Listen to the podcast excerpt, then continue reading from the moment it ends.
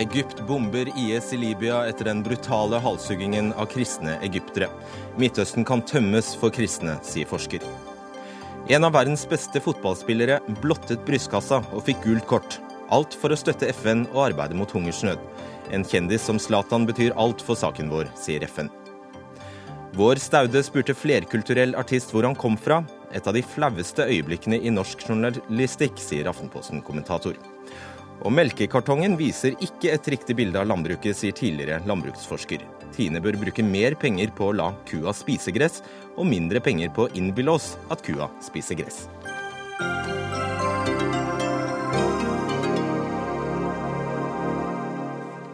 Det bør, bli, bør det bli straffbart i Norge å hevde at holocaust ikke skjedde, spør vi i denne utgaven av Dagsnytt 18. Jeg heter Fredrik Solvang.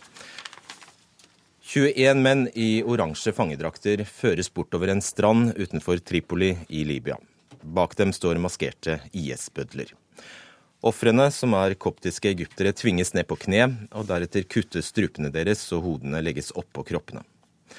Nok en gang rystes vi av bestialiteten til IS, men det nye denne gangen er at IS nå farger Middelhavet blodrødt. Og Egypt har allerede svart. I morges bombet Egypt IS-mål inne i Libya. Mellom 40 og 50 militante skal være drept. Knut Vikør, du er professor i Midtøstens historie ved Universitetet i Bergen. Hva mer vet vi om det som har skjedd? Ja, disse kaptene er fremmedarbeidere som har vært i, i Libya en stund, og vært eh, kidnappa i, i desember-januar, så de har vært der en stund. Det som er nytt, er jo naturligvis da at det ser ut som IS har, ehm, har fått flere grupper i Libya som støtter seg, som står bak dette. Tidligere så var det jo ikke til stede der, men i fjor så var det da en by lenger øst i Libya der en gruppe libyere som hadde uh, hatt kontroll over byen, slutta seg til IS. Og nå i de siste ukene så har vi da fått, både i Tripoli og her i Syrt, uh, der denne episoden har vært, uh, uavhengig andre grupper som har, har slutta seg til det. Så det ser altså ut til at det er en økning av ulike små militser, eller utbrytere av militser i, i Libya, som da vender seg til IS. Og det får selvfølgelig Egypt til å skjelve i buksene. Kristian Takvam Kint, du er forsker ved Fafo med Egypt som spesialfelt. Hva betyr det for Egypt å kunne reagere såpass kontant på disse henrettelsene?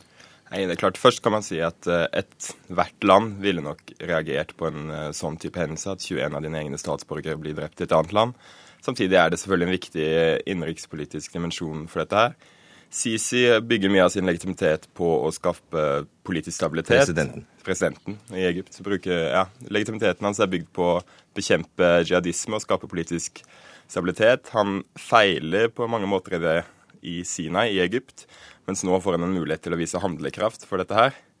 I tillegg så var kopterne det var en viktig alliert for eh, Sisi. De støttet han eh, da han eh, fjernet brorskapet, og har på en måte vært en, også en kilde til hans legitimitet, så det er viktig for han å vise handlekraft eh, på dette. Og han viser internasjonalt at han er med i kampen mot IS. Jeg tror vi først som sist skal oppklare hvem kopterne er, og da har vi eh, med oss Berit Torbjørnsrud. Du er førsteamanuensis ved Universitetet i Oslo og forsker på kristne i Midtøsten. Hvem er kopterne? Kopterne det er, de tilhører den koptisk-ortodokse kirke, som er en nasjonal, eh, egyptisk nasjonalkirke. Det er en av verdens eldste kirker, og som tilhører den orientalsk-ortodokse kirkefamilien. Og det er fortsatt i dag det største kirkesamfunnet i Midtøsten. En tidel av Egypts befolkning om lag? 5-10% kanskje. Mm. Eh, og hvorfor var det nettopp koptere som ble drept på stranda? Er det mulig å gi noe fornuftig svar på det? De har oppgitt to, eh, to eh, grunner eh, selv. De sier jo at dette er folk korsets folk, følger av den fiendtlige egyptiske kirken. Og det tror jeg henspiller på det Christian nevnte, med at uh, pave Tavadros gikk så sterkt ut og støttet kuppet og etterpå har vært en støttespiller for uh, president Sisis regime. Og det andre som de også har sagt, er at de henviser til at dette er hevn fordi muslimske kvinner blir forfulgt av koptere i Egypt. Og det dreier seg om en gjentagende konflikt i forhold til kvinnespørsmål i Egypt mellom kristne og muslimer. Og her refererer de nok til en bestemt historie om en prestefrue som rømte hjemmefra etter en ekteskapskrangel, og så oppsto det en diskusjon i Egypt Ble hun så gjenforent med sin familie av politi og kirken, eller var dette en konvertitt til islam som ble forhindret fra å søke sin tro? Denne historien, som har skjedd flere ganger før, eh, og har vært lokalt problematisk. Denne gikk ut på sosiale medier og ble til en global historie som Al Qaida eh, fatt i. Kint, ligger det et håp i dette, at uh, årsaken kan være vel så politisk som religiøs? Mm, hva mener du? Altså Det faktum at de uh, velges ut, kan være vel så uh, altså fundamentet for det, eller årsaken til det kan være vel så politisk som at de er kristne? Ja, det er klart at fra IS' side at det kan være like mye en politisk statement mot nettopp at kopterne var en alliert av Sisi sitt regime. Mm. Og Hvilken eh, symbolikk eh, er det da IS er ute etter å eh, signalisere, Vikør? Ja, det spørsmålet er jo for det første om de, dette er et forsøk på å trekke Egypt inn i konflikten. Altså for å eh, forsterke og forverre konflikten i Libya. Eh, de bruker jo også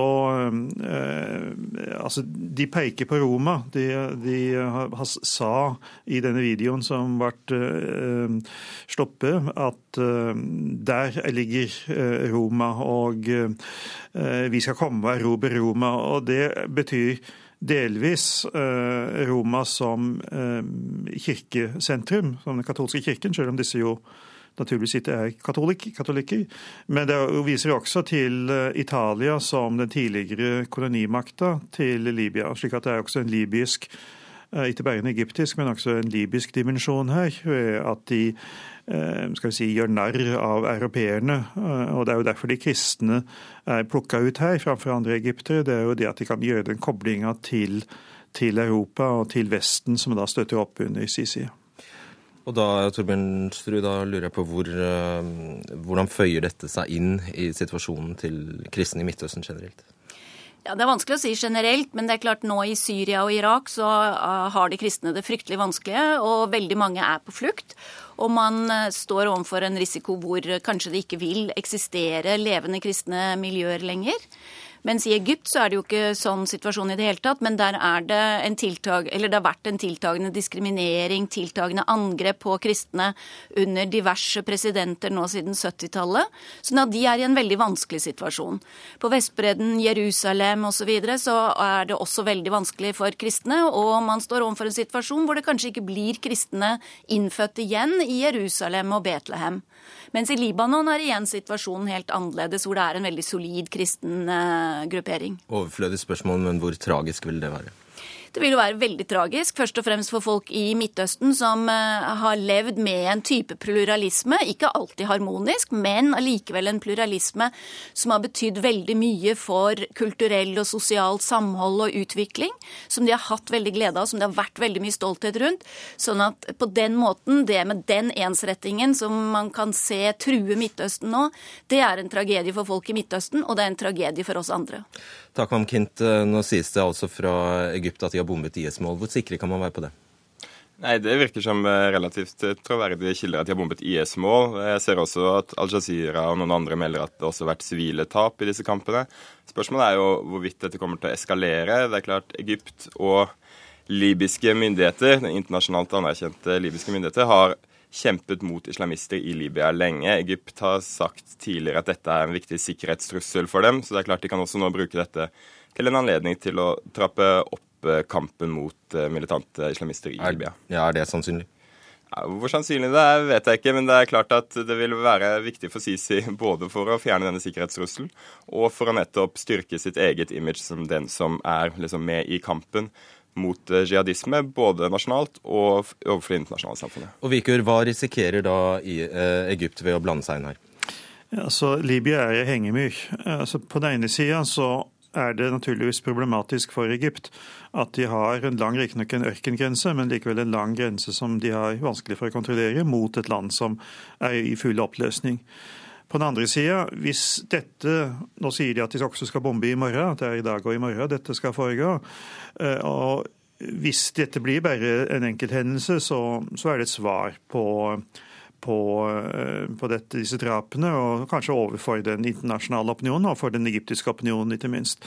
Men ikke mer enn det. Men hvis de seinere går inn og prøver å støtte sine allierte, for de har altså alliert med en regjering, eller en milits av de flere regjeringene som er i Libya, hvis de prøver å blande seg inn og prøve å lage en løsning i Libya, eh, så kan de bli sittende der uten at de eh, kommer seg ut igjen, og at de, eh, de blir sittende fast. Det er jo samme grunnen til at det internasjonale samfunnet har vært så tilbakeholdne med å gå inn i denne konflikten i Libya. Det er at de egentlig ikke ser noen mulighet for å finne en løsning. Torbjørnsrud, til slutt. Hvordan har andre land reagert på volden mot kristne i denne delen av verden? Det har vært eh, variert. Altså, jeg tror jo folk flest i, i, Midtøsten reagerer på den volden kristne blir utsatt for, og at det truer deres idé om hvordan det er å være borger av Midtøsten og de forskjellige landene. Eh, samtidig som de kristne nok kan ønske seg større støtte. Det er helt klart. Og en viss handlingslammelse. Og en viss handlingslammelse, ja. Sier takk til dere, Knut Vikør, Kristian Takvam Kint og Berit Torbjørnsrud. Dagsnytt 18 alle hverdager kl 18.00 på NRK P2 og NRK2. Ja, I København er to menn varetektsfengslet i ti dager for medvirkning til drap etter terroren i København i helgen. Politiet mener at mennene har hjulpet den 22 år gamle gjerningsmannen med å skaffe våpen, og for å ha holdt den mistenkte i skjul etter angrepene. Martin Sontak, du er vår reporter i Danmark. Hva mer vet vi om mennene? Foreløpig så har politiet vært flinke til å holde tilbake informasjon om eh, de to eh, unge mennene. Det lille vi vet er at de har eh, innvandrerbakgrunn, og at de ble pågrepet i to ulike aksjoner i København i går. I tillegg så er det interessant å merke seg at de kun ble varetektsfengslet i ti dager, til tross for at politiet gjerne ville ha dem i full isolasjon i fire uker. Og Forsvareren til en av dem sa til meg tidligere i dag at dette tyder på at politiet har en syltynn sak når det gjelder medvirkning. Vet vi nå noe mer om den avdøde gjerningsmannen? Det dukkes eh, stadig lenger ned i hans eh, fortid, eh, kan man si. Det har kommet mange uttalelser om hans skolegang, hvor medelever sier at han var en flink elev, men samtidig en elev som hisset seg voldsomt opp i diskusjoner bl.a. om Israel og Palestina. Man vet jo også at han har en voldshistorikk. Han ble dømt for knivstikking i 2013. Og Det siste som har kommet her i dag, er jo at han la ut denne videoen eh, på sin Facebook-side kun kort tid før han gikk til angrep på Kruttønnen. Eh, det er en video som eh, hyller terrororganisasjonen Den islamske staten. Han deltar ikke selv i den videoen, men det er jo et, en pekepinn som vil være viktig for politiet i den videre etterforskningen av motiver her. Og nå Martin, står du utenfor synagogen i København. Hva skjer der? Her har det vært eh, mye mennesker eh, helt siden, eh, siden, søndag. Og det siste nå var at familien til den jødiske sikkerhetsvakten som ble drept, Dan, var her i sted. Det var en sterk, sterk opplevelse å se mor og far og søster gråte. og og eh, legge blomster eh, på det stadig voksende blomsterhavet. I tillegg så var Børge Brende, vår utenriksminister, her i sted og la ned blomster. Eh, og han også var jo sterk i sin fordømmelse av det som har skjedd her i København. Ja, Skal det være en stor minnemarkering i København i kveld? Hva skjer da? Der eh, vil det være både appeller og musikk, eh, og særlig da talene til eh, det statsminister Helle Thorning-Schmidt skal si. Brende skal snakke, den franske ambassadøren til Danmark kommer. Og det er ventet at et sted mellom 15 og 20 000 mennesker vil møte opp. Det blir interessant å se, for det er eh, en voldsom interesse rundt akkurat det arrangementet, hvor man da skal markere alvoret i det som har skjedd her i København. Og du følger situasjonen for oss, Martin Sontag. Takk skal du ha. Det bør bli forbudt å fornekte holocaust, og rasismeparagrafen må brukes oftere. Ja, det mener du, eh, leder av Det mosaiske trossamfunn, Ervin Kohn. Og dermed kaster du jo for så vidt inn en ny brannfakkel i debatten om ytringsfrihet. Hvorfor skal vi straffeforfølge folk som fornekter holocaust? Jeg vet ikke om jeg er blitt uh, sitert uh, riktig der. Uh, jeg mener bestemt at det er rom for å bruke straffelovens paragraf 135a mer enn vi gjør. Jeg tror ikke vi har hatt mer enn en fem saker oppe på akkurat den paragrafen. Rasisme, rasismeparagrafen. Rasismeparagrafen, populært kalt riktig. Det er den paragrafen som er altså den eneste juridiske beskyttelsen svake grupper har mot hatefulle ytringer. Det er øh, mange land som har forbud mot holocaustbenektelse. Jeg tror ikke det er en vei å gå i Norge. Jeg tror ikke vi skal eh, innføre noe forbud mot holocaustbenektelse. Litt fordi at det er ikke noe stort problem i vårt land. Så derfor tror jeg ikke det. På den annen side så, så er det viktig å understreke at eh, ytringsfriheten skal ha vide, vide rammer. Men det er visse ytringer, hatefulle ytringer, som eh, ikke er så lett å imøtegå med andre ytringer. Og da kan det være riktig å bruke straffeloven. Vi har f.eks. Altså en del nettsteder som er altså Husk på det at i, i, dag, når vi snakker om miljøer, så snakker vi ikke bare om fysiske miljøer, vi snakker om virtuelle miljøer. Det er altså yngleplasser for ekstremister. Og det er nettsider som heter Jødenes hender, og et nettside som heter gasskammeret.no. Så det er en rekke sånne nettsider som er vanskelig å imøtegå med andre ytringer. Så hvis jeg forstår deg rett, så ønsker du å benytte en større bruk, en utstrakt bruk av dagens 135a, eh, og ikke innføring av en ny Helt paragraf. Ja. Eh, Knut Arild Hareide, leder i Kristelig Folkeparti. Eh, du syns jo også det er en veldig dårlig idé å straffeforfølge holocaust-fornektelse. Ser du at det i noen sammenhenger kunne vært formålstjenlig å hatt den sikkerhetsventilen? Jeg forstår iallfall at det er en enorm krenkelse, det å fornekte holocaust. Men så er spørsmålet om vi skal bruke straffeloven til det. Og jeg syns Ervin Korns tilnærming her er, er, klokere enn å bruke straffeloven til å forfølge den type fornektelse.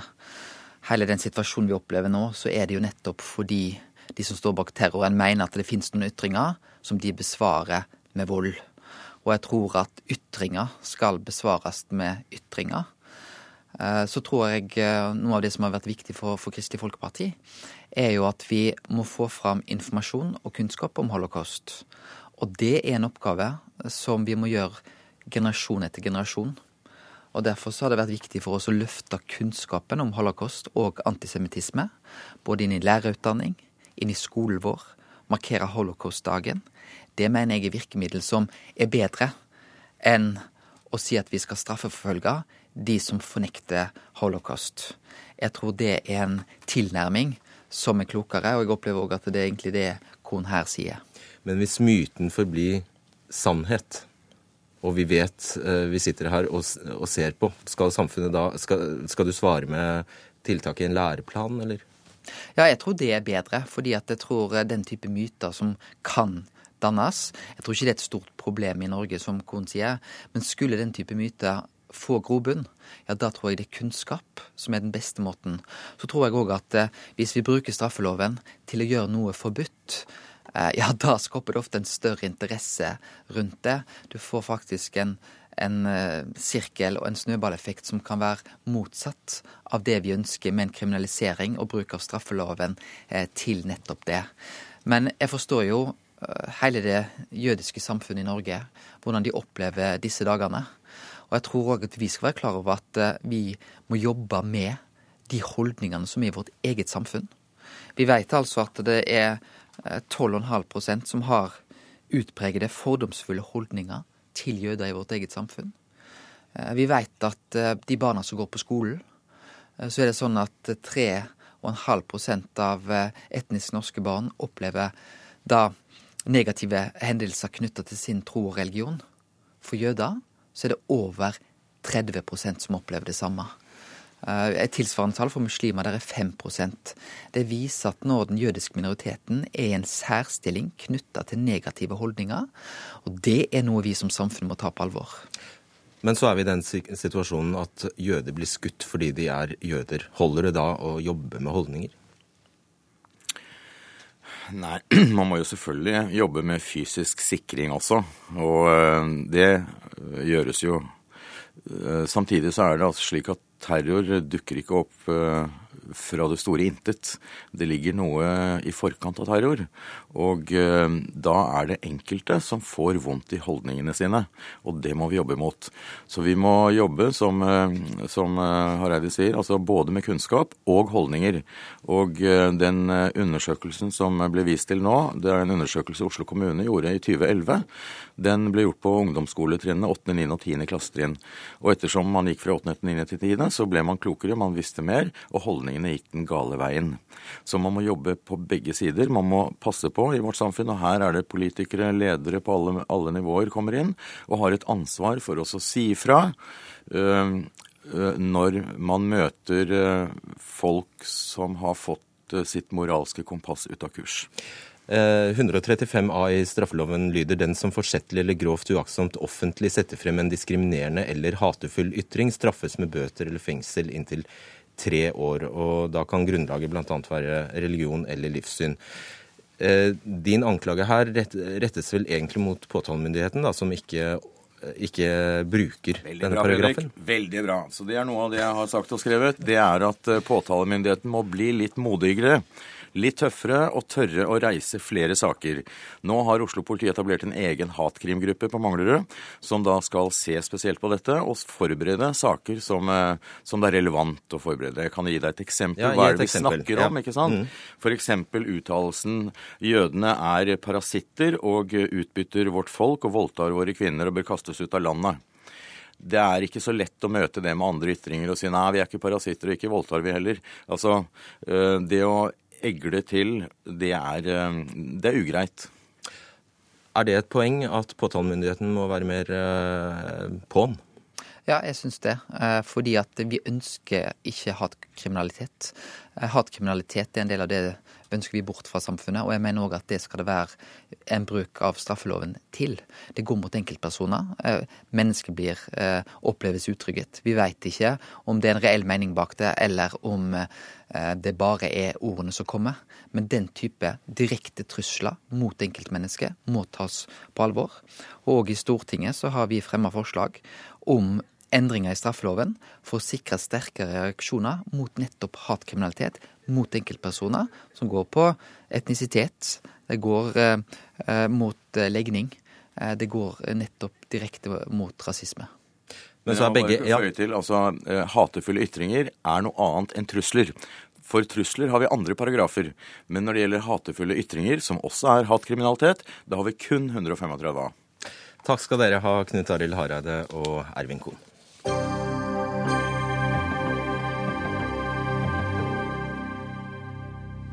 Det blir ingen fred uten kvinner, slår regjeringen fast. I en 45-siders handlingsplan i anledning 15-årsjubileet for FN-resolusjon om kvinner, fred og sikkerhet kan vi lese ting som Regjeringen vil i all innsats arbeide systematisk for at fredsprosesser og fredsforhandlinger der Norge er engasjert, involverer både kvinner og menn, og at fredsavtaler omfatter både kvinners og menns rettigheter, behov og prioriteringer. I handlingsplanen står det også at varig fred forutsetter at også kvinner inkluderes i fredsforhandlinger.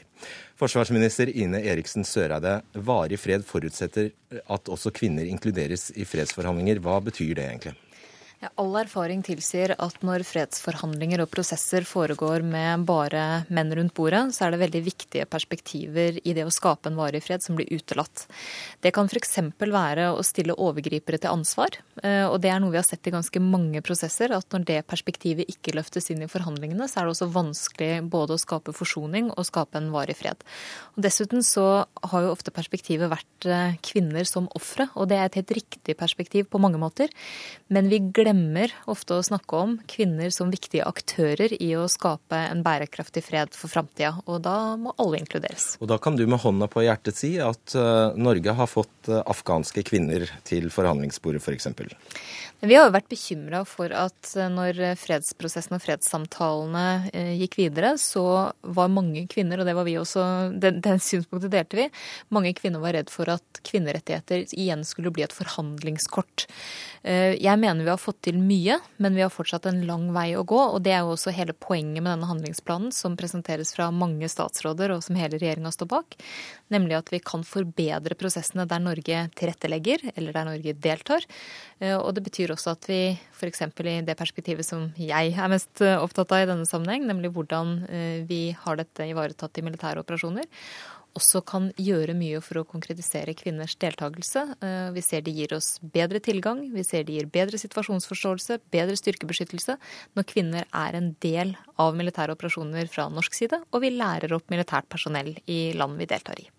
Og det var skrytelista nå. Gro Lindstad, daglig leder i Fokus forum for kvinner og utviklingsspørsmål. Du var til stede på framleggelsen av denne handlingsplanen i dag. Hvordan kan denne planen brukes helt konkret? Det ligger veldig mange gode intensjoner i denne planen. Det ligger veldig eh, mye spenstige tiltak, eh, men det er veldig vidløftig. Så eh, noe av den store utfordringen her er å få dette ned til konkret handling. Sagt, så den er ikke konkret? Nei, jeg syns ikke den er konkret nok. Jeg har sagt eh, etterpå i dag at hvis eh, Fokus hadde laget en eh, søknad med en del av disse formuleringene og sendt inn for å få prosjektstøtte Jeg har en sånn formulering her. altså Mål ja. 221 lyder Fremme kjønnsperspektivet i alle relevante fora og prosesser der Nato er engasjert. Det er veldig relevant for deg. Du sier da altså at hadde du skrevet sånn, et sånt mål, så hadde du ikke fått penger. Nei, det hadde jeg ikke. Eh, fordi at jeg måtte da ha konkretisert mye mer. Sånn at eh, noe av den eh, utfordringen som vi har kommet med i dag, og spørsmål som jeg også har stilt til forsvarsministeren tidligere i dag, det er at her er det behov for å få en, en konkret rapportering på at dette faktisk implementeres. Fordi handlingsplanen er på papiret veldig spenstig, men den er veldig lite konkret utover at man skal eh, lage handlingsplaner, man skal gjøre veldig mye. Og så mangler den totalt et økonomisk perspektiv. Det tar vi etterpå. Ja. Du skal vel lage en ny handlingsplan hvis du ikke, etter at du har, eh, etter at du har lagd rapporteringsordninger? Men jeg syns Gro peker på noe viktig. fordi noe av poenget med denne handlingsplanen sammenligna med den forrige og den før det, var jo å lage mer målbare kriterier enn tidligere. Eh, for det har vært en utfordring. Eh, denne type resolusjoner og denne type handlingsplaner kan fort bli mye ord, men vi ønska å være mer konkrete. Og siden du nevnte punkt 221, så mhm. kan jeg gjerne gi et tilsvar på det. Fordi det vi har oppnådd når det gjelder Nato, er jo to ting. Det ene er at dette perspektivet, kvinner, fred og sikkerhet, integreres i all operasjonsplanlegging Nato gjør for alt vi skal delta i fra Natos side. Det er helt nytt. Det andre er at Norge tok på seg å stille den første spesialrepresentanten for kvinner, fred og sikkerhet i Nato, Mari Skåre. Vi finansierte stillinga i to år. Det var viktig for oss. Men så sa vi når de to åra har gått, så er det minst like viktig at dette blir en del av den ordinære strukturen i Nato. Det jeg er mest redd for i sånne sammenhenger, er at kvinner, fred og sikkerhetsspørsmål skal komme som et lite sideshow til det som ellers foregår. Dette er ikke noe som kvinner har ansvaret for. Dette må engasjere menn minst like mye som kvinner. Og gjør det ikke det, så får vi heller ingen framdrift. Men kan du ikke svare konkret på det? Altså, eh, hun sier altså at det er fremdeles for lite konkret og for lite Det er ikke systemer for rapportering? Nei, men som, som Gro også er inne på, det er jo noe av det vi både skal jobbe med framover fordi vi nå har mer målbare kriterier, og det kommer vi også til å sette opp fra Forsvarets side. Det kommer til å gjøres fra Utenriksdepartementets side, Barne- og likestilling og Justis, som er de fire departementene sammen med statsministeren som har gått sammen om dette. Vi har en veldig klar ambisjon om at vi skal klare å rapportere på bedre kriterier enn det som har vært gjort før. Det har aldri vært rapportert noe fra tidligere handlingsplaner, og det har vi en klar ambisjon om å gjøre noe med Enda nå. Enda dette er den tredje i rekken? Ja, du får nesten spørre mine forgjengere om hvorfor det ikke har blitt rapportert før, men vi har i alle fall en klar ambisjon om å gjøre det, nettopp fordi vi ser behovet for å konkretisere. Nå har det vært mye snakk, ikke bare i Norge, men det har vært snakk i mange av verdens land om dette i mange år. Resolusjonen er 15 år gammel, og derfor så har vi behov for å komme et skritt videre. Og det gjør vi nå. Ja, det er bra. Og så, Linstad, til dette med finansiering. I handlingsplanen står det altså at satsingen blir finansiert innen gjeldende budsjettrammer. Men målet er samtidig at en større del av pengene vi gir til disse formålene, skal gå til kvinner. Henger det på greip? Nei, de gjør egentlig ikke det. Eh, fordi det som står i, eh, på disse 48 sidene, det er veldig omfangsrikt. Det er veldig mye man skal inn og finansiere og støtte støtte og backe opp om, både på sivilt samfunnssiden, når det gjelder Nato, når det gjelder politistyrker og mye annet. Vår erfaring fra tidligere, og det inkluderer så sent som i fjor høst, så har vi forsøkt å be eh, de departementene som har et ansvar for oppfølging av eh, kvinnefred og sikkerhet, om å dokumentere hvor mye midler av sitt budsjett de har brukt på handlingsplanen. Og til nå, og dette har vi spurt om i mange år nå, vi har ennå ikke fått noe svar på hvor mye som, som brukes. Um, så, la, oss, eh, la, oss, høre ja. med uh, Eriksen Søreide. Er du klar over hvor mye du bruker? Jeg kan ikke si det er på krona hvor mye vi bruker, men jeg mener det er viktig å, å faktisk plukke opp det som Gro sier om innafor de ulike budsjettene. La meg gi et eksempel på det, som jeg brukte tidligere i dag også. Vi har i Afghanistan brukt våre spesialstyrker til bl.a. å trene opp afghanske kvinner til spesialpolitienheten. Og det gjør vi jo innafor den ramma vi allerede bruker i Afghanistan, men det er en klar dreining i retning av å gjøre noe som er relevant for kvinner, fred og sikkerhet. På samme måte som vi har økt bevilgningene til utdanning for kvinner. Kanskje noe av det aller viktigste vi kan gjøre for å styrke kvinners stilling, og på den måten få kvinner, mer, eh, fram, få kvinner som mer framtredende i freds- og forsoningsprosesser også. Tilstrekkelig? Nei, egentlig ikke. Og jeg, jeg, jeg, ser jo at denne regjeringen er ekstremt opptatt av å snakke om utdanning i enhver sammenheng. Eh, jeg tror jo at vi må se på eh, kvinner og perspektivet på kvinner mye mer holistisk.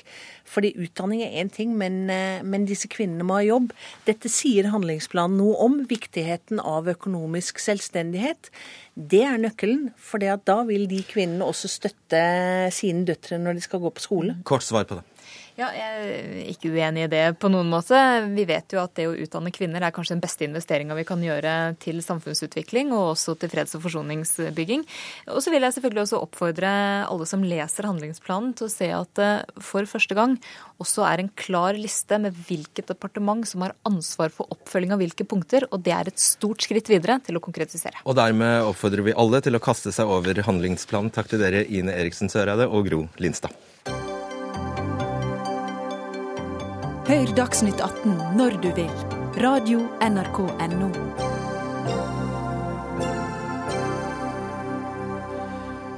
Fotballspilleren Zlatan Ibrahimovic får ros etter stuntet der han satte fokus på mennesker som lider av sult.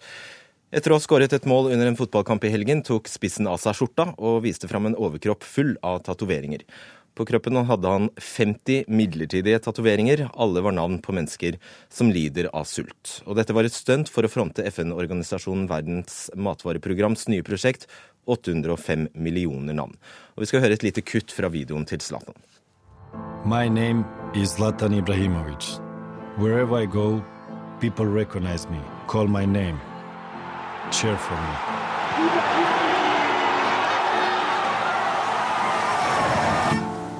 But there are names no one cheers for Carmen, Rahma, Antoine. If I could, I would write every single name on my body. But there are 805 million people suffering from hunger in the world today. Når eh, dere hører mitt navn, vil jeg at dere skal tenke på navnene ingen heier på, sier Zlatan videre i denne videoen. Anne Paulsen, du er direktør for FNs matvareprograms nordiske kontor, og det er du og dine kollegaer som står bak dette stuntet. Hvor viktig er det å ha en superstjerne som Zlatan med på laget? Det er ufattelig viktig å ha en person som Zlatan. Øh, øh, han, han, har en stemme Altså, Zlatan er et ikon. Det er han selvfølgelig øh, først og fremmest i fodboldverdenen. Han er en av verdens absolutt beste øh, fodboldspillere. Han har et, et kæmpe navn i fodboldverdenen, men han har også et navn. Og han har en status som rækker langt, langt ud over fodboldverdenen. Han er et ikon øh, for millioner av mennesker verden over. Og det er ufattelig viktig for oss og det arbeidet vi laver, øh, og selvfølgelig dermed også for de mennesker vi øh, hjelper. Og hvor, ja. Mm -hmm. Og hvor nedslående er det å måtte ty til en av verdens best betalte kjendiser for å få oppmerksomhet rundt det som er en sak vi alle egentlig burde bry oss om? Ja, men jeg tror også at vi alle dybest set bryder os om, at der er sult i verden, og der er 805 millioner mennesker, som må gå sultne i seng hver aften. Det er en ud af ni mennesker, der hver aften skal gå i seng sulten. Det tror jeg, vi alle sammen bryder os om.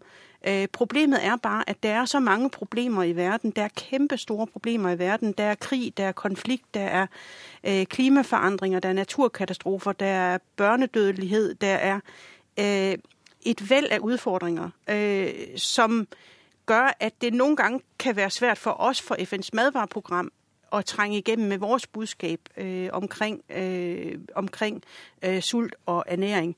Og derfor, øh, derfor tyr vi til mennesker som Zlatan. Vi er rigtig, rigtig glade for, at han vil øh, oss. os. Det, det betyder alt. Vi kan, vi kan komme ut øh, med vores budskap på en måde, som vi ikke kan ellers. Og dere har fått et fantastisk gjennomslag, fordi denne videoen der Zlatan viser fram overkroppen sin, har blitt delt seks millioner ganger bare det siste døgnet. Precis. Hvor mye fokus hadde dere fått på sultne mennesker i verden dersom du eh, tok av deg på overkroppen? det, det, tror jeg ikke jeg hadde fått særlig, vi hadde fått særlig mye fokus på, øh, dessverre. Igen så er øh, Zlatan er et ikon. Det er han langt, langt uden for, for. Han har en status. Han er også kendt. Han er jo også kendt for andet end bare at være en knallhamrende dygtig fodboldspiller. Han er jo også kendt for at være et menneske med et ufatteligt stort socialt engagement. Øh, og derfor er han så vældigt, også langt ud over. Og, og det er klart, han det, at han gir oss sin stemme, at han gir oss sin krop til å, å, å, å få gjort noen av alle de her navne kendte, betyder alt for oss. Altså, Carmen Ragma Antoine, som han nævner, det er tre mennesker ut av de 805 millioner mennesker, som sulter og som går sulten i seng hver dag. De har alle sammen et navn. Øh, og det er så viktig at vi får satt øh, navn på de her mennesker, at vi forstår, hva det handler om, at det ikke bare er en statistik et eller andet sted, men, men det rent faktisk handler om en Carmen, om en Rachma, om en Antoine. Øhm, og, og det kan Zlatan gøre på en måde, som jeg aldri vil kunne gøre, eller mine kolleger aldri vil kunne gøre.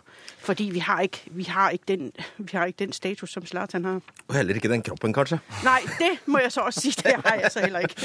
Preben Karlsen, du er daglig leder i Trigger AS, reklamebyrå som bl.a. sto bak eh, Stopp bryllupet-kampanjen, altså en eh, kampanje for Plan Norge for å sette fokus på barnebruder. Og dere nådde også ut til svimlende mange mennesker, om ikke like mange som dette. da. Hva er hemmeligheten? Eh, jeg tror hemmeligheten er at man er nødt til å trekke ganske grusomme, brutale problemstillinger ute i verden nærmere hjem for å få folk til å klare å forholde seg til det. Eh, vi har en form for forsvarsmekanisme som gjør at vi ikke klarer å ta inn over oss all elendigheten der ute. Eh, men så fort man får det inn i en vestlig kontekst, så blir det på en måte håndterbart, og vi tar det til oss, og vi reagerer på en helt annen måte.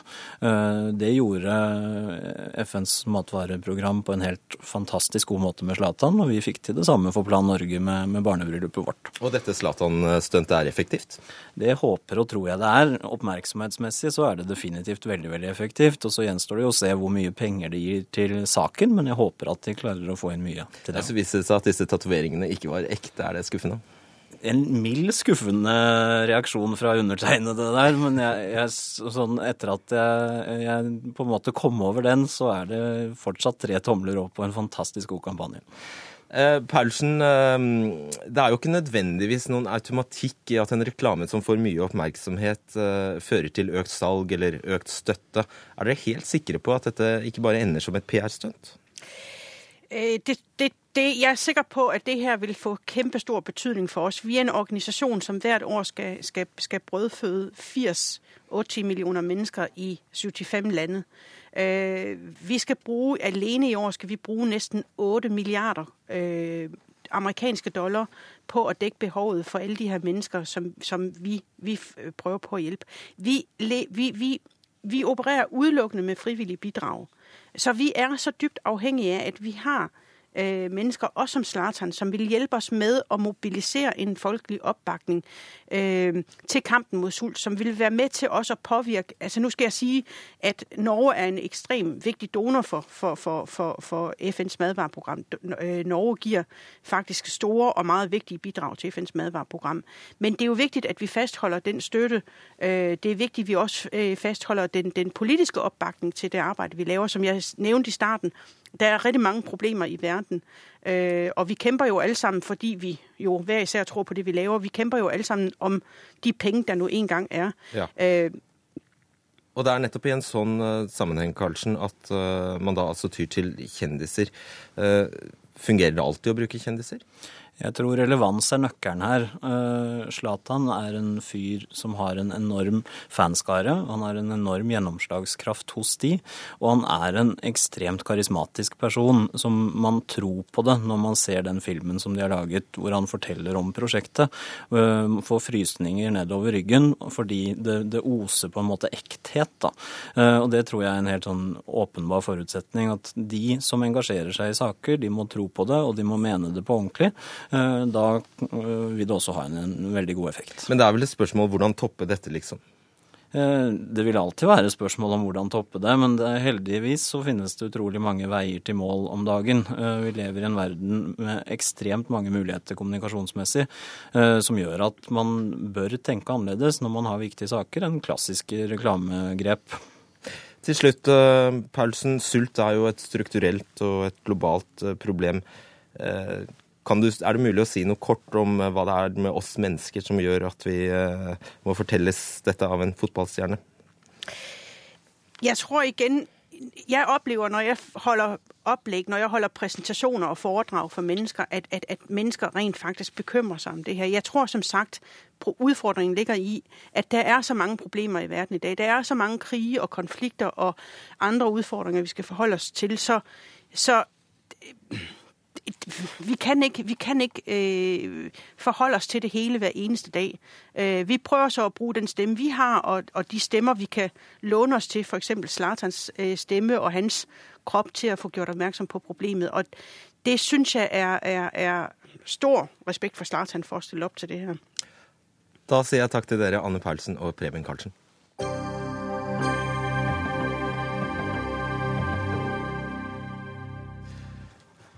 God morgen, Norge-programleder Vår Staude har måttet tåle mye kritikk etter at hun, etter at hun vinklet intervjuet med den eh, norske plateaktuelle R&B-artisten Arshad Maimoni på hans tro og hvor han kommer fra. Intervjuet har jo nærmest skapt storm på sosiale medier, og Mala Wang Navin, du er kommentator og anmelder i Aftenposten. I en eh, kommentar med tittelen 'Ikke min programleder' skriver du at dette var et av de flaueste øyeblikkene i norsk journalistikk. Det mm. er eh, store ord. Det er store ord, og det er ganske mange store ord i den uh, teksten jeg skrev. Uh, og det er også fordi det trigget ganske store følelser rundt det jeg så. Um, det var et intervju som gikk så brått og uventet inn i en problematikk som føles veldig voldsom og veldig stor, uh, når man forventer en helt annen type samtale som, som den artisten faktisk kanskje var der for å ha, tross alt. Og da sier du at TV 2 sprer fordommer. Hvilke fordommer da? Altså, eh, det er viktig å forstå at eh, det jeg ønsker med den eh, kommentaren, det er jo først og fremst å ha en debatt om journalistisk, journalistisk altså vårt ansvar når det kommer til denne type tematikk. Og fordommene kommer av at vi ikke er bevisst på hva vi stiller spørsmål om, og når vi stiller det, og hvordan altså, vi stiller det. Og, og det er mitt anliggende her, at disse spørsmålene virket fryktelig malplasserte. hva var det du reagerte mest på? For de som ikke har sett intervjuet, da. Det, for de som ikke har sett dette, så kan, eh, kan det virke litt eh, sånn ut av kontekst. Men eh, nei, det, det, kommer veldig brått. Hun går rett inn i hvor kommer du egentlig fra? hvorpå du ser at Mamoni, artisten, blir litt forvirret og lurer på hva mener du? så er svaret Grønland? Grønland, liksom, er det det du tenker på? Og så går de litt sånn videre inn i vanskelige spørsmål som, som da eh, musikk, musikkens posisjon i islam som jo er en veldig kompleks problemstilling. Og, og, det virker også veldig malplassert. Og det var der eh, reaksjonene begynte å komme på Twitter blant annet, og andre sosiale medier, om at dette her var et fryktelig fryktelig klossete og klønete eh, regissert intervju. Gerhard Helskog, aktualitetsredaktør i TV 2.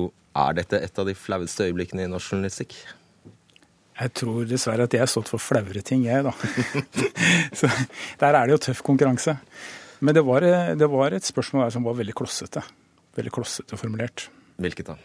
Ja, det var dette spørsmålet om eh, hvor vår eh, sier sist hun sjekket, så var musikk forbudt innenfor islam. Um, hun hadde jo sittet og sjekket det som var utgangspunktet for at vi var invitert gjesten, nemlig at denne artisten hadde sagt at i islam er musikk forbudt. Han er også troende muslim og holder på med musikk. Og noe mer sentralt spørsmål kan du ikke da komme med, mener jeg.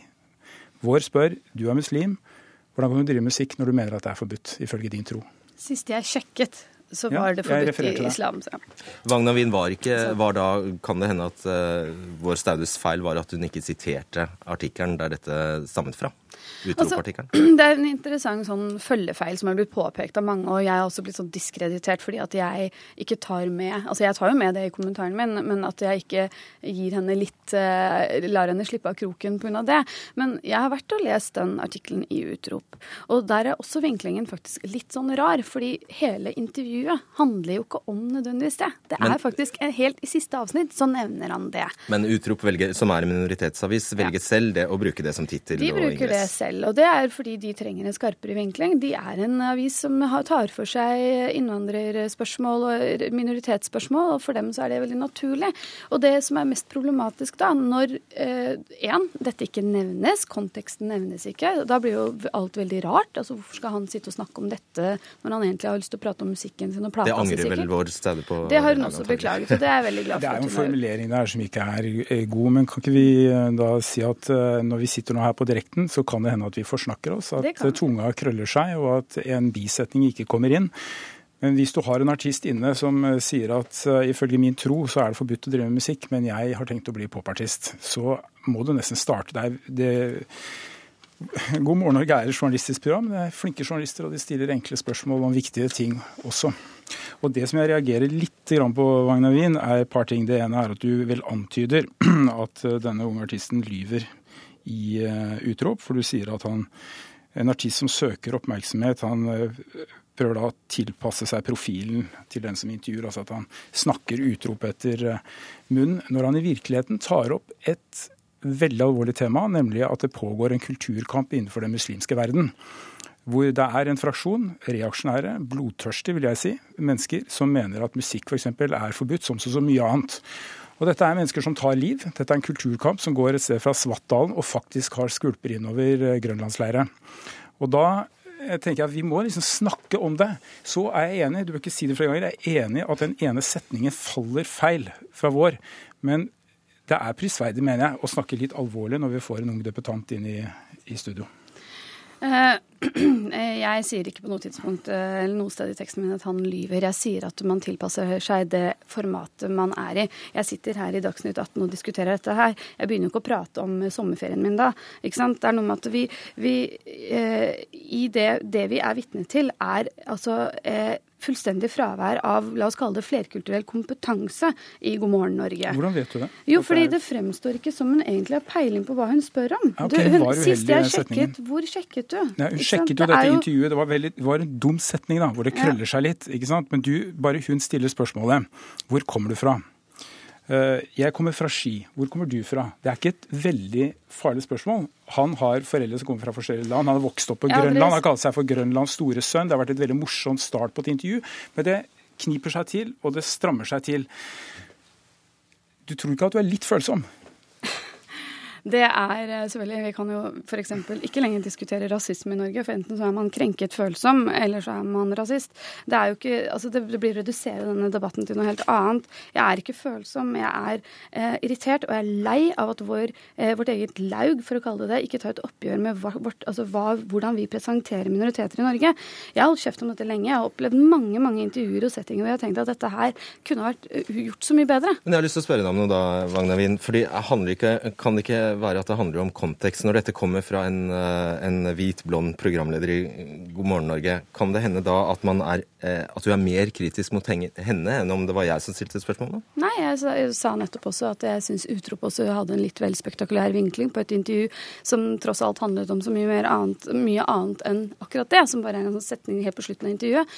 Eh, og det så jeg også at journalisten selv kommenterte på sosiale medier. Han sa det selv, at dette her var jo ikke hele poenget med intervjuet mitt. Unnskyld, dette er Eh, så- premissintervju, hvis jeg bare får lov til å si det. Og hvis du nå nevner ordet rasisme, du skriver Jeg tror ikke noen, absolutt ingen med hvit hudfarge kan forstå hvordan det føles å bivåne det jeg bestemt mener er et av flaueste øyeblikk i norsk journalistikk. Du mener altså fordi at jeg har en lys, en hvit hudfarge, så er jeg ikke i stand til å forstå.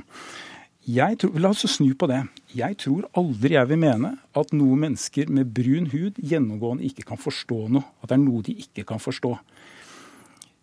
Jeg mener jo at du her Sier du at hun er rasist nå? Nei, jeg sier ikke, jeg bare sier at hvordan kan du, hvordan kan du ta den testen, at du snur, bytter hvit med, med brun? Hvor ender du hen i, i, i gruppetenkning og, og peke ut grupper med Mm. Jeg forstår hvor du, hvor du vil hen. Men altså, dette, her er ikke, dette her er snakk om eh, strukture, et, et ansvar. Vi som eh, er i media, vi har et ansvar for hva vi velger å hente fram, og hvordan vi velger å vinkle. ikke sant? Vi vinkler ting på vår måte. Og der ligger det et ansvar. Hvorfor stiller dere spørsmål til en ung gutt eh, om altså, komplekse ting innenfor islam, bare fordi han har nevnt det før? Det betyr ikke at han er ekspertisen på det. Han har, dette har han slitt med. Skulle han kunne bli musiker? Skal han bli et av de norske store håpene innen sin musikk? Det har han hatt problemer med fordi han har blitt kritisert. Jo, det Han forteller han. virker ikke eh, som han sliter med det i det hele tatt i det intervjuet han han, eh, i Utrop. Der Nei. sier han rett og slett jeg gir blaffen i de som fordømmer meg. Mine venner, selv om de er konservative muslimer, støtter Han meg i det han jeg tar gjør. veldig lett på dette. Altså, Ja. Det er slik at han forteller hva han har opplevd, hva han har fått av reaksjoner, og hvilken fordømmelse og fy han har fått om dette. Og du, nå sklir du unna spørsmålet. Mener du at det er ting som mennesker med hvit hud ikke kan forstå? Jeg tror, at Helt det er kort svar ting, på det. ja, jeg tror, tror det er ting man må erfare som eh, mørkhudet for å forstå, ja. Det tror jeg. Og det er ikke veien? Rasisme. Det kan være andre veien? At det er til, vil du da tilsvarende mene andre veien? Ja, det altså, mener jeg, ikke kan ikke, mener det. jeg kan ikke sitte i en taxi og få den regnspikka rasismen som mannen min med hvit hud kan få. Ikke sant? Han, kan, han får høre masse ting som jeg ikke får høre. Så han erfarer den siden som jeg ikke erfarer på samme måte. Holdningen overfor meg er ofte annerledes og påvirket av hvem jeg er og hvordan Og jeg ser ut. Dermed må vi sette punktum. Takk, Malavang Navin og Gerhard Helskog.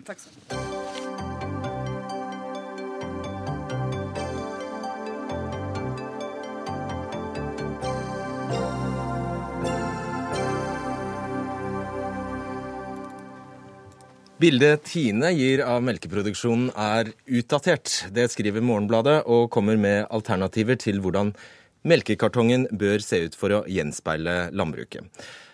Eh, For her ser vi altså blonde bondejenter i Marius-genser som mater kua fra hånda. Byttes- Og eh, det mener altså du, eh, Svein Arne Lie, forfatter og tidligere landbruksforsker, ikke er et helt sannferdig bilde av hvordan det egentlig er. Nå er ikke det bildet der kanskje det verste. Det, det finnes, Vi har en gressende ku her, for ja, f.eks. Tine er jo veldig opptatt av at uh, kyr spiser gras. Og, og det er jo i og for seg eh, veldig viktig i forhold til å selge produktet mjølk i Norge. Altså Norsk jordbrukslegitimitet står og faller på at norsk jordbruk gjør det norsk jordbruk skal gjøre, og det er å bruke jord i Norge. Eh, og det er jo da bilder av kyr på mjølkekartongen i, eh, i, i gresskledd landskap. Og den gresser ikke. Problemet er at eh, norske kyr eh, beiter mindre og mindre. og eh, altså 45 av fôrrasjonen til ei ku er kraftfôr. eh, 10% er beite. Eh, Det, det bildet gjenspeiles ikke helt i, i, i bildet på en mjølkekartong. Jeg kan bare ta et, et litt interessant, en interessant fun fact. Altså, eh, det brukes i dag like mye soya eh, til å produsere én liter Tine kumjølk som det er soya i soyamjølk. Så vi er jo i grenseland her i forhold til hva faktisk Hva slags produksjonsmåte man framstiller, og hva slags produkt det egentlig har endt opp som.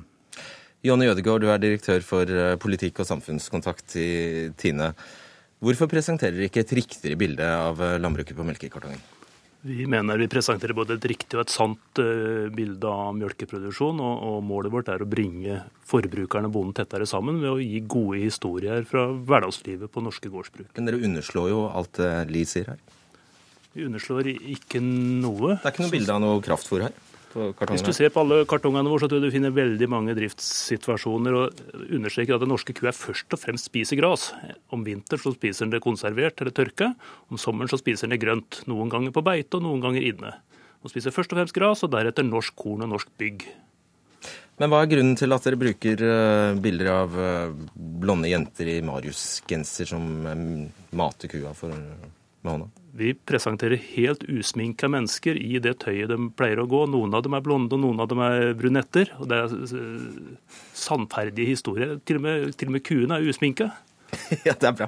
Uh, Li, hvordan, på hvilken måte er det uh, de melkekartongene Morgenbladet presenterer oss, et riktigere bilde?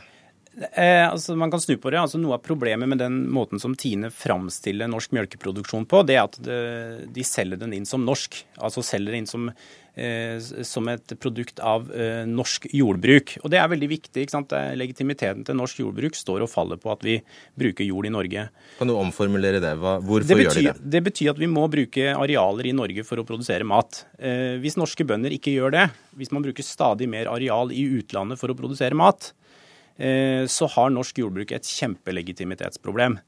Eh, fordi da har vi ingen god grunn til å ha den produksjonen her i Norge. Altså Vi har ikke eh, jordbruk, eh, jordbruk i Norge for, for bøndenes skyld. Det her er for å bruke jord i Norge. Men kan Og du når- Li, bekrefte at eh, 75% av det norske jordbruksarealet brukes til å fø kuer? Nei, det kan ikke jeg bekrefte, for det har ikke jeg helt oversikt over. Men det jeg har oversikt over, er nettopp utviklingstrekket i norsk, jordbruks, eller norsk melkeproduksjon siste 20 år. Der man går altså eh, fôrer med stadig mye mer kraftfôr i melkeproduksjonen. eh, Og der man nå har blitt fullstendig avhengig av å få tilgang på eh, protein eh, i form av soya for å få den mjølkemengda på dyra. Og du snakker om at eh, ikke bare er eh, Tine avhengig av en faktisk eh, høy tollmur, de er også avhengig av en mental tollmur. Det her er et kjempeviktig poeng, og som må jordbruket og, og jeg er helt sikker på at Jonny Ødegaard og Tine forstår. Og det er jo at Én ting er tollvernet sånn rent politisk, som et politisk virkemiddel i forhold til å sikre priser, men det andre er det mentale tollvernet. Altså jeg som eh, matkjøper må eh, vite om alle kvaliteter i norsk jordbruk for å da eh, på en måte beskytte norsk jordbruk gjennom eh, hva jeg handler.